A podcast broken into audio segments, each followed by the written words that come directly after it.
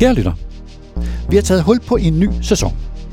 Og som altid, så skyder erhvervslivet efterårssæsonen i gang med en stribe halvårsregnskaber. Jeg har været igennem nogle af dem, og jeg har forsøgt at finde to iagttagelser ud af min læsning. For det første, så kiggede jeg i regnskaberne fra Vestas og Ørsted. Og det virker som om, at vores grønne vindindustri begynder at være ret presset. Og også, at det begynder at stramme til med, at den grønne omstilling kalder på nogle forpligtende beslutninger. At vi er på vej fra en tid, hvor det var uforpligtende, også for vores politikere på Christiansborg, at sætte nogle ambitiøse klimamål, og til en tid, hvor det begynder at gøre ondt. At nu er tiden kommet, hvor der skal træffes nogle hårde prioriteringer, sådan som jeg talte med min chef Bjarne Korydon om her i podcasten forleden. Men hvad er det for en situation sådan mere forretningsmæssigt, som vores vindindustri står i? Og især, hvad er det for en situation, Ørsted står i, efter at Ørsteds topchef i et stykke tid har talt om krise, og pludselig tirsdag aften, så kom Mads Nepper, topchefen, med en stor nedskrivning. Hvor alvorlig er situationen egentlig hos Ørsted? Og så kom der et stærkt regnskab fra landets største industrikoncern Danfoss. Det er som om, at Danfoss bare kører stabilt kvartal for kvartal, halvår for halvår. Så da jeg læste det nye regnskab fra Danfoss, så kom jeg i tanker om en lærerig historie fra Danfoss interne liv, da en professor fra IMD-skolen i Schweiz kom på besøg og gav ledelsen et wake-up call. Så tænker jeg, hvorfor ikke benytte lejligheden til at fortælle den historie? Velkommen til Topchefernes Strategi. De nye regnskaber fra Vestas og Ørsted viser, at den grønne vindindustri er presset. Og jeg vil gerne forsøge at forstå, hvad det går ud på. Og efter at Ørsted tirsdag aften kom med en stor nedskrivning, så aktien den faldt som en sten onsdag morgen, så er det især Ørsted, at jeg er nysgerrig på. Velkommen, Cecilie Vejle. Tak. Du er journalist her på Børsen, hvor du især skriver om energi og har fulgt blandt andet Ørsted i lang tid. Og tirsdag aften, der kom topchefen Mads Nipper med en alvorlig nedskrivning fra Ørsted. Cecilie, hvad er egentlig Ørsteds problem? Ørsted og også konkurrenternes problem er øh, faktisk, der er et ret stort pres lige nu på, på nogle af de havvindprojekter, som de har planlagt at opføre, som de er i gang med at udvikle, men som endnu ikke er bygget færdigt. Lige nu, der kæmper mange af selskaberne med inflation på alt fra installationsskibe og vindmøller og andre komponenter, og især også øh, de stigende renter, som simpelthen får finansieringsomkostningerne på de her meget kapitaltunge havvindprojekter til at vokse ret markant. Samtidig så kæmper Ørsted lige nu også med udsigt til, til flaskehalse og forsinkelser for nogle af de kommende projekter i USA, og det presser simpelthen øh, økonomien i dem. Ja, og jeg har også øh, jeg har set, altså det, dels er der det med, at, at omkostningerne vokser ret kraftigt af de grunde, som du lige øh, fortalte om. Og så har de også af den grund jo, forstår jeg, der har Mads Nipper blandt andet øh, fra, fra Ørsted også sagt, at det betyder faktisk, at de kan finde på at trække sig fra nogle af de havvindprojekter, som de ellers har, har planlagt, simpelthen fordi det vil de vurdere er nødt til, de er nødt til for at få økonomien til at hænge sammen. Det er korrekt. Første gang vi hørte det var faktisk i øh, juni på kapitalmarkedsdagen, hvor Mads Nipper pludselig er eksplicit om, at det her rent faktisk er en mulighed. Flere af selskabets konkurrenter er kommet med lignende advarsler for nogle af de projekter, de øh, har planlagt, men ikke bygget endnu. Og nogle af dem har faktisk også de seneste måneder gjort ad, alvor af, af de her advarsler, og har simpelthen øh, skrinlagt og annulleret kontrakter med, med myndigheder for nogle projekter. Ørsted har ikke gjort det endnu, men selskabet afviser altså ikke, at det kan komme til at ske. Og der er også noget med, at der er sådan en særlig dynamik i det her marked, altså at strømprisen, som de vil få, den skal de indregne allerede fra starten af. Det er korrekt. I mange markeder, der øh, foregår det gennem udbud, hvor øh, myndigheder og stater simpelthen udbyder havvindparker, og så byder havvindudviklerne ind med den afregningspris, som de gerne vil have for strømmen, når parkerne begynder at producere strøm. Det betyder altså, at indtægtslinjen så at sige er, er låst, øh, og nogle steder en, reguleres den godt nok med inflation. Det er ikke tilfældet i USA, og det er også en af grundene til, at øh, der virkelig er pres på, på nogle af de her projekter i USA. For de her kontrakter, skal man huske, er blevet indgået for flere år siden, og i den mellemliggende periode, så er omkostningerne altså steget markant. Lad os prøve at se på det, der foregår i USA. Altså den konkrete sag, som nu lige pludselig, jeg ved ikke, den er i hvert fald, om ikke ligefrem eksploderet nu, så har den jo været, den, den, den har også været kendt jo i, i et stykke tid, og du har også øh, talt med Mads Nepper om det, blandt andet i forbindelse med øh, kapitalmarkedsdagen i Ørsted tidligere øh, i år. Hvad er det, der er særligt omkring den problematik, som Ørsted har i USA? Det særlige omkring den problematik er både, som jeg sagde før, kontrakterne er blevet indgået for, for lang tid siden, og priserne øh, reguleres simpelthen ikke med, med inflationen. Det er det første problem.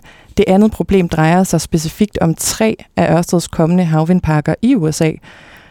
Og det skyldes simpelthen, at de er så langt fremme i udviklingsfasen, at Ørsted allerede har postet i omegnen af 20 milliarder kroner i de her tre øh, projekter specifikt. Det var i hvert fald meldingen i juni. Så lige nu har Ørsted brugt så mange penge på de her projekter, at det også kan blive en dyr fornøjelse simpelthen at træde væk fra dem. Det er også derfor, at Mads Nipper i juni sagde, at øh, Ørsted egentlig forsøgte at frede de her projekter lidt og kigge på den mere øh, fremadrettede business case, hvis man kan sige det sådan, øhm, frem for at kigge på det, på det samlede billede for de her tre projekter. Men det vil sige, at de har altså allerede skudt 20 milliarder i de her tre projekter, som samtidig er urentable, og som de vel i realiteten ikke kan trække sig fra. Og så kommer der så den her nedskrivning tirsdag aften. Altså, det lyder jo for mig som om, at det er en virkelig alvorlig situation. Det siger han jo også med, med snipper. Hvad fortæller den om Ørsteds situation? Jamen, situationen er alvorlig i USA. Øhm, det ligger han jo heller ikke skjult på efter nyheden om de her nedskrivninger. Der er lidt... Øh, man ved endnu ikke, hvor, hvor alvorlig situationen rent faktisk bliver. Øh, der er i hvert fald tale om milliardnedskrivninger, og som udgangspunkt i hvert fald øh, 5 milliarder i, i nedskrivninger. Det tal kan dog vokse til 16 milliarder kroner, op til 16 milliarder kroner, øh, skriver Ørsted i, i den meddelelse, som øh, de har sendt ud i den her uge. Og det er fordi, de lige nu også er afhængige af, om, om renterne bliver ved med at være på det her ret høje niveau, som de er på i USA, og også hvorvidt de, de lykkes med at få forhandlet nogle skatterabatter hjem i, i USA, og lige nu, der går dialogen ikke helt, som de havde håbet, så derfor advarer de om, at de risikerer simpelthen at skulle, øh, skulle nedskrive mere. Nu kan man sige, at den nedskrivning, der kom tirsdag aften, det vil sige, den, den, om, den, den relaterer sig specifikt til de tre projekter i USA. Men branchen i det hele taget, og også Ørsted, er jo ramt generelt. Og du spurgte Cecilie Mads Nepper i børsen tidligere på året, om Ørsted og resten af industrien ikke, har, ikke også har et ansvar for, at nogle af de her projekter er pressede. Og Mads Nepper svarede på dit spørgsmål dengang, citat, det synes jeg jo et eller andet sted ikke, at vi har. Altså i hvert fald ikke alle os, der gør alt, hvad vi kan for at bekæmpe de effekter, som vi ikke har nogen indflydelse på. Vi kan ikke styre renterne og dermed kapitalomkostningerne, sagde han. Og han sagde også, at det samme gælder for den høje inflation. Og det kan man jo godt forstå, men på den anden side, så vil jeg jo sige, Jamen det er jo bare tough luck i et privat erhvervsliv. Altså den slags sker jo for private virksomheder indimellem, at lige pludselig så kommer man ud i nogle uforudsete problemer, og så må man løse dem så godt man kan, skære ned i omkostninger, hæve priserne, genforhandle kontrakter. Altså har de lidt svært ved i den her industri, og også i Ørsted, at, at takle en hård modgang. Det kan man sige, at, øh, at de har lige nu i hvert fald. Der er lidt en, en perfekt storm under opsejling. Det er i hvert fald det, øh, flere spillere i industrien siger lige nu. Og Ørsted har også forsøgt at få forhandlet med, med leverandørerne, men man skal også huske, øh, det er i hvert fald det Ørsted siger lige nu, at en meget stor del af, af leverandørkæden kæmper faktisk med, med underskud og har gjort det i noget tid. Det betyder også, at det kan være svært at, at presse priserne ned på tværs af leverandørkæden. Samtidig så kæmper de også med forsinkelser i leverandørkæden, hvilket jo også kan være svært øh, at gøre noget ved som, øh, som udvikler. Og så det sidste, de også gør øh, lige nu, og det er også noget af det, som øh, de nævner i forbindelse med de her nedskrivninger, det er simpelthen, at de for, øh, forsøger at have en dialog med, øh, med myndigheder, eksempelvis i USA, om at få nogle øh, større skatterabatter, der vil gøre, at økonomien bedre kan hænge sammen for de her projekter. Så de prøver at gribe fat i nogle forskellige værktøjer. Spørgsmålet er, om det er nok. Øhm, Ørsted siger i hvert fald, som det ser ud lige nu, så for de her tre specifikke amerikanske projekter, som vi snakker om, der regner de nu med, at øh, der faktisk vil komme et, øh, et negativt afkast øh, fra, fra de her projekter. Der skete jo det i sommer, at der var et udbud i Tyskland, som til synlædende rystede branchen. Og det, der skete dengang, det var juli, det var, at olieselskaberne BP og Total Energies, de erklærede sig klar til at betale mere end 90 milliarder kroner til den tyske statskasse for at få adgang til flere store havvindarealer. Og Ørsted, de deltog også i den runde, men de var ikke klar til at betale så store summer. Og den sag, altså det tyske udbud, viser, at de der store olieselskaber, som vi jo længe har vidst vil ind i den her tilsyneladende attraktive branche, de vil også betale, hvad det koster at komme derind. Hvorfor er det tyske udbud, hvorfor har det chokeret vindindustrien så meget, som, som det tilsyneladende har? Jamen, du har ret i, at det ikke er et nyt fænomen med olieselskaber, der træder ind på det her havvindmarked. Vi har set det over de seneste år, hvilket også har intensiveret priskonkurrencen i havvindindustrien. Så på den måde kommer det ikke som en overraskelse, at olieselskaber er klar til at betale ret massive summer for at få fodfæste på det her marked. Ændringen, eller i hvert fald det nye lige nu, er, at industrien samtidig kæmper med, med højere omkostninger, og der er flere, der er ude og sige, at, at økonomien, i hvert fald i nogle af de projekter, der, der skal opføres her inden for en overskuelig tidsperiode, at de har svært ved at, at løbe rundt. Så på den måde, så byder de nu ind med de her ret massive summer på et tidspunkt, hvor, øh, hvor industrien er ret udfordret. Ja, og jeg kan forstå, at kritikken går på også fra Mads Nipper, altså fra Ørsted, imod det, der skete i det tyske udbud. Det er, at han siger, han sagde også til, til vores avis Børsen, der er kun ultimativt en, der kan betale for det, og det er energiforbrugerne i fremtiden, og så bliver den grønne strøm dyrere, og det er jo at pansætte fremtiden. Altså hans kritik går på, at de her olieselskaber, de har, for at kunne give et højt bud til den tyske stat, så har de indregnet en forventet høj fremtidig elpris, også selvom det kan jo kan betyde, at forbrugerne så skal betale, og så ville Ørsted ikke være, eller kunne Ørsted ikke være med i udbuddet. Ja, men er det ikke, er det ikke du ved, er det ikke okay at sige, jamen der er et udbud, og øh, vi byder som olieselskab, eller som, som byder, så byder vi på en høj øh, fremtidig strømpris, og så kan på den måde regnestykket øh, hænge sammen, og øh, den offentlige stat, i det her tilfælde Tyskland, jamen de får øh, en masse penge i statskassen, og på den måde en billig grøn omstilling. Er det ikke fair nok?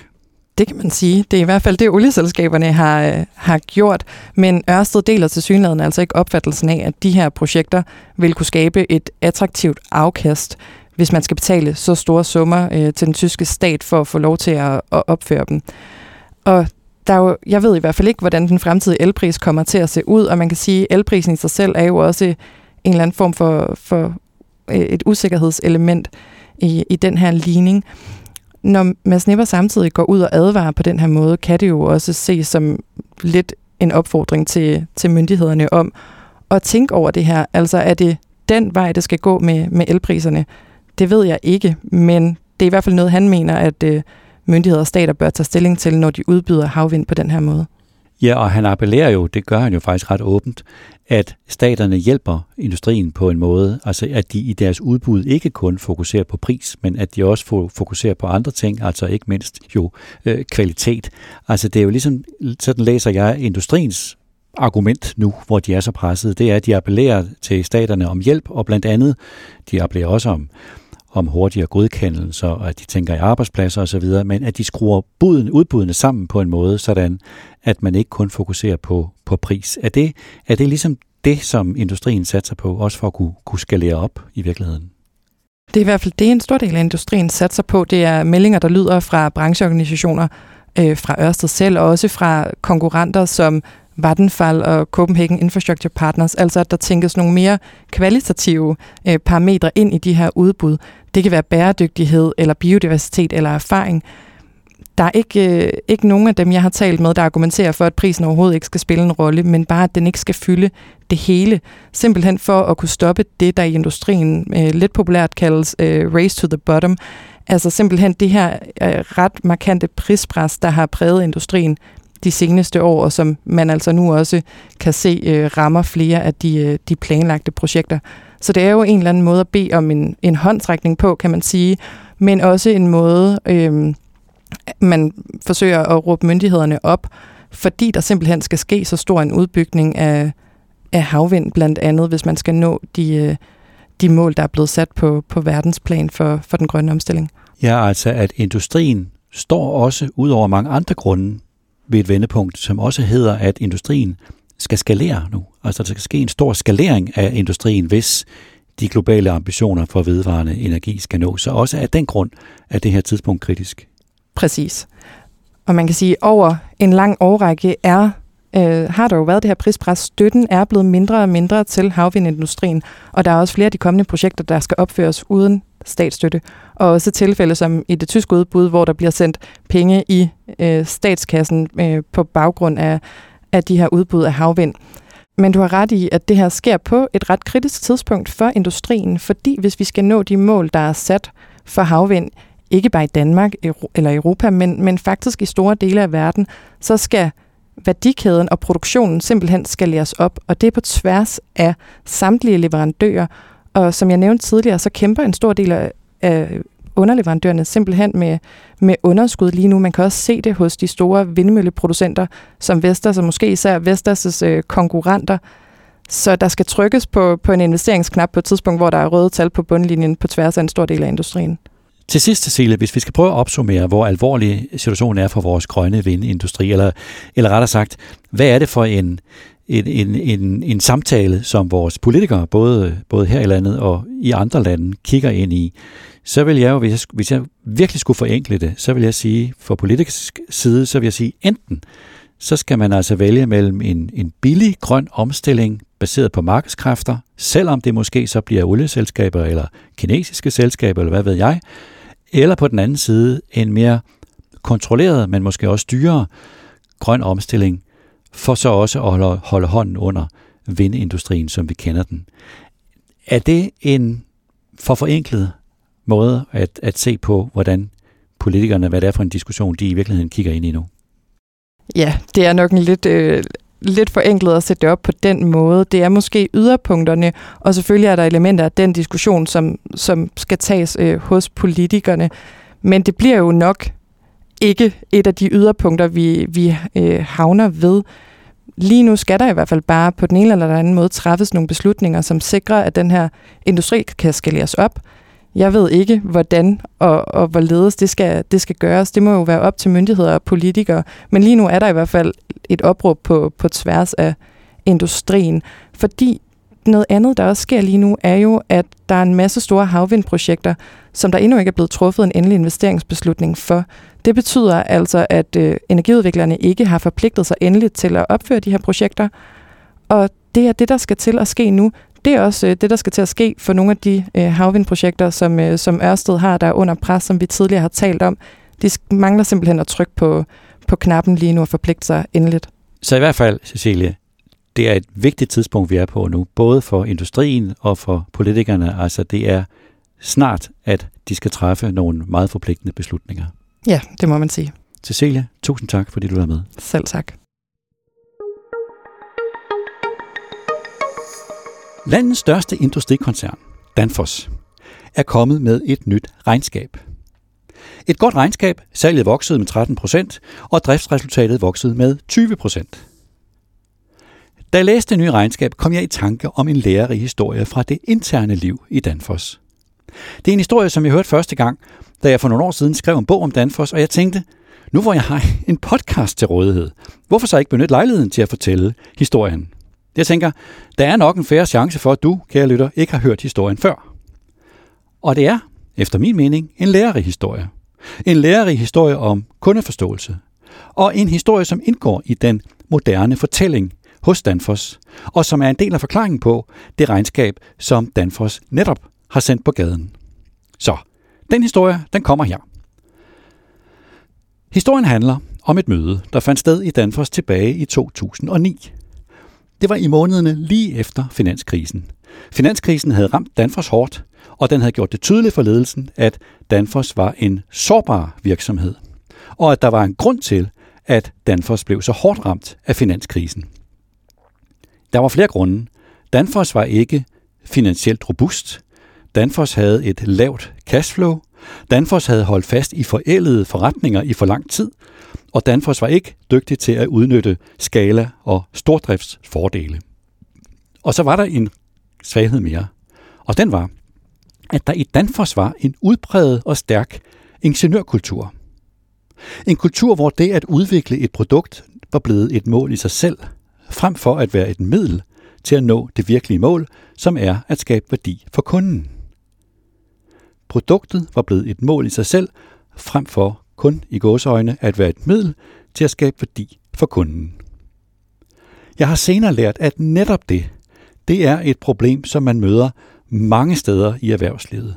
Også i min egen branche skulle jeg hilse at sige, at der nogle steder er en stærk faglig kultur, som er mere optaget af produktet, frem for at være optaget af kunden. De to Danfoss topchefer, den nuværende Kim Fausing og hans forgænger Niels B. Christiansen, vurderede dengang i 2009, at det var vigtigt at udfordre organisationen på det, på det med kundeforståelsen. Og de var klar over, at af alle vigtige opgaver i at skabe en ny kultur i Danfoss, så ville det her blive den vigtigste og den sværeste. Den vil kræve et nyt livssyn i virksomheden, og den vil påvirke alle andre beslutninger, simpelthen fordi en ny forståelse af kunderne ville præge hele virksomheden og virksomhedens værdikæde afgørende. De to valgte at invitere en ekstern oplægsholder, og valget faldt på Sean Meehan. Irske Sean Meehan var, og er stadig, professor i Marketing and Change Management på Managementskolen IMD i Schweiz. Han har en Ph.D. fra London Business School, og ideen var, at Sean Meehan skulle tale om kundeforståelse.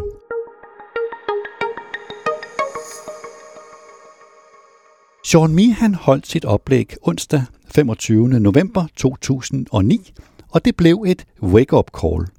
Et wake-up call, som dem, der var med, stadig husker tydeligt. De vidste godt i Danfoss selvfølgelig, at det var vigtigt det med at forstå kunderne, og også at Danfoss i sin innovation og i udvikling af nye produkter skulle tænke mere kommercielt.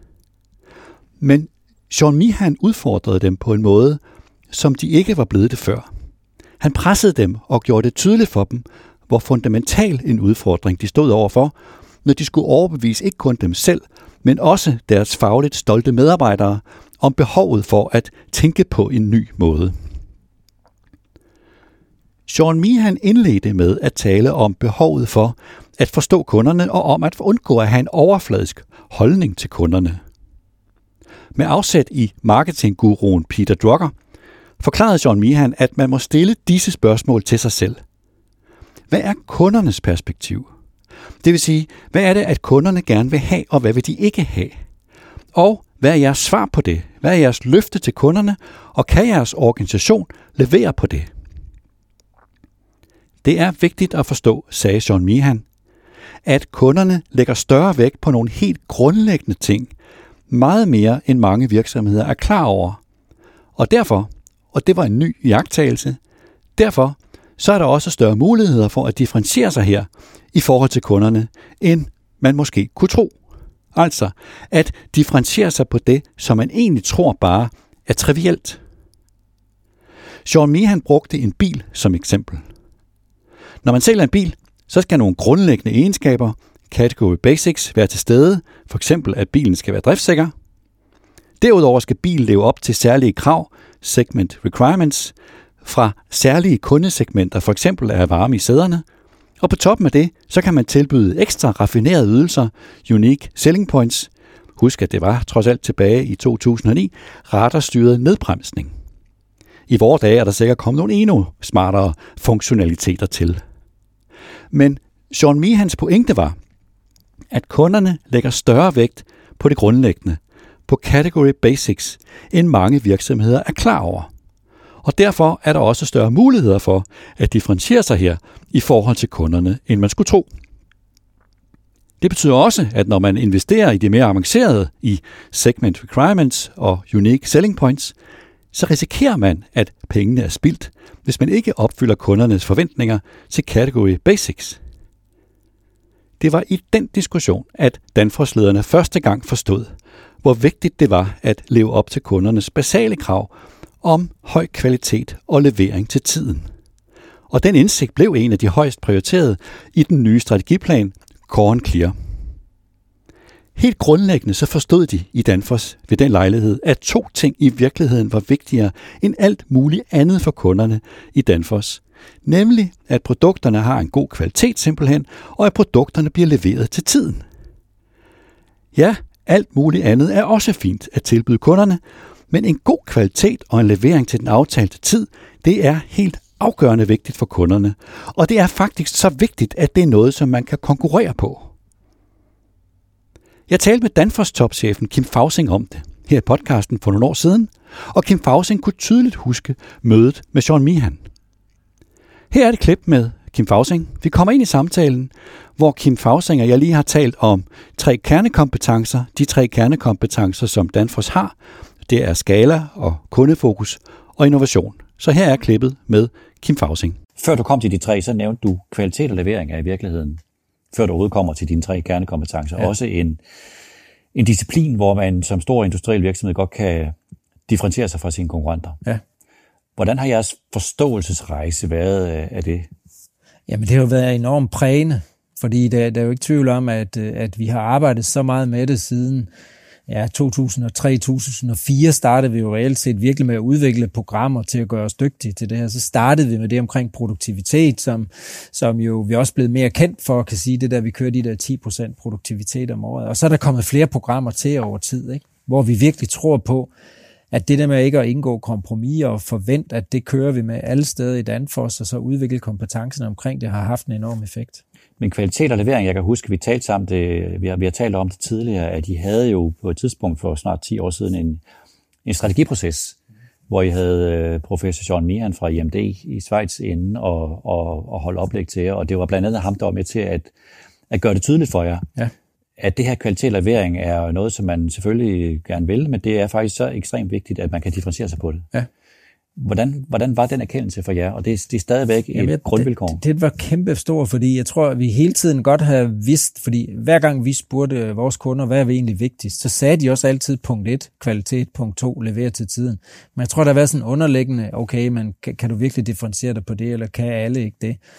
Og i virkeligheden, det Sean sagde dengang, det var det der spejl, der sagde, i virkeligheden er det nok noget, alle taler om, men han sagde også meget klart, der er bare ikke nogen, der er gode til det. Og det ramte virkelig, hvor vi var, fordi vi havde hele tiden gået og sagt, jamen vi er mindst lige så gode som vores konkurrenter til det her. Og fra det moment, så blev det sådan noget med, hvor det blev klart for os, vi skal simpelthen bare være bedre end alle andre på det her. Og så det kræver, at vi flytter os til et helt andet niveau. Og jeg må også sige, det vi har lært i processen, det er jo, at de har en kæmpe impact på succes med dine kunder, hvis du virkelig er god til det. Kvalitet og levering. Kvalitet og levering. Så vidt Kim Fausing. Sean Meehan udfordrede Danfoss-lederne, og han gjorde det klart for dem, at de havde en alvorlig udfordring, som de havde undervurderet. De havde selvfølgelig lavet forskellige kundetilfredshedsanalyser i de enkelte forretninger. Men hvis det virkelig var rigtigt, at Danfoss forstod virksomhedernes kunder, hvordan kunne det så være, spurgte Sean Meehan, at de nye og innovative produkter, som virksomhedens ingeniører udviklede og fik anerkendelse for, at de blev ikke købt af kunderne. Danfoss-lederne måtte se i øjnene, at det var lykkedes for Sean Meehan at udfordre dem, at det var lykkedes en gæst udefra at stille spørgsmål til nogle helt centrale ledelsesforhold i Danfoss, som virksomhedens leder ikke var i stand til at svare på. Sjovt i øvrigt, jeg ved præcis, hvordan de har haft det i Danfoss-ledelsen den dag. Jeg kan huske for mange år siden, faktisk er det mere end 20 år siden, da jeg var chefredaktør på Berlingske, da vi fik lavet en analyse af de abonnenter, der sagde deres avisabonnement op, og spurgte om de forskellige årsager, så var den vigtigste årsag ikke, som vi havde regnet med, at øh, abonnenterne var utilfredse med avisens kvalitet, eller med indholdet, eller med avisens holdninger. Nej, den vigtigste grund til, at de sagde avisen op, den var, at de var irriteret over, at der var fejl i leveringen. At de ikke fik deres avis ind af postkassen om morgenen.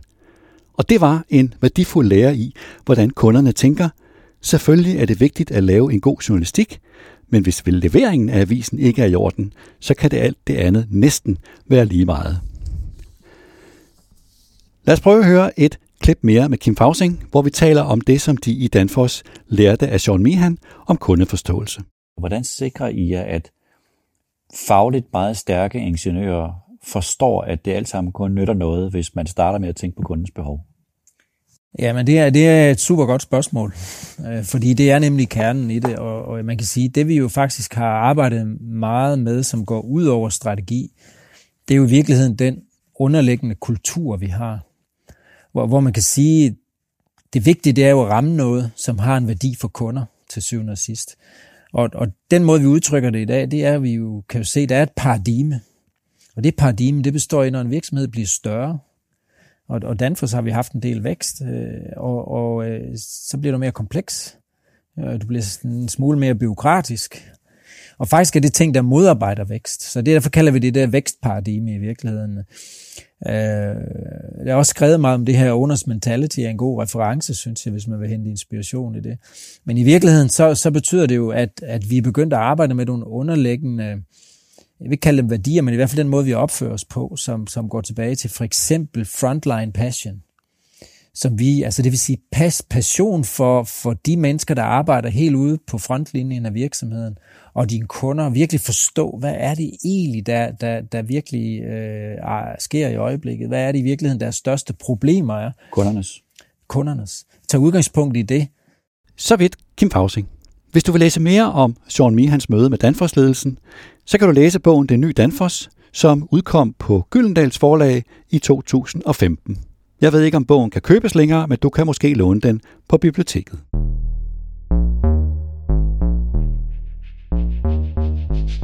Det var denne udgave af Topchefernes Strategi. Et forsøg på at blive klogere på nogle af de nye regnskaber. Et forsøg på at forstå, når vindindustrien og især Ørsted er presset, hvad er så den forretningsmæssige forklaring? Hvorfor står Ørsted, hvor de står, og beder om hjælp fra nogle politikere, som på den anden side er presset af en begyndende vælgerskepsis over for omkostningerne ved den grønne omstilling? Og så synes jeg, en lærerig historie fra Danfoss, at kundeforståelse er vigtig, og at når man forstår sine kunder dybere, så kan man blive overrasket over, hvad kunderne prioriterer at selvfølgelig vil kunderne gerne have nogle raffinerede produkter, men at kunderne først og fremmest ønsker, at det grundlæggende er i orden, og at det endda er noget, som man kan konkurrere på. At man kan konkurrere på det, som ellers man vil tro er noget trivielt noget, men som i virkeligheden er meget, meget vigtigt for kunderne. Husk i øvrigt, kære lytter, at de gamle optagelser her i podcasten stadig er tilgængelige vi kan se i vores lyttertal, at rigtig mange lytter til de tidligere optagelser. Og det forklarer, at podcastens lyttertal fortsætter med at vokse. Faktisk er vi på vej imod 2 millioner downloads. Tak til Cecilie Vejle, tak til Arjuna Alexander Kolbo Sørensen, og tak til dig, der lyttede med.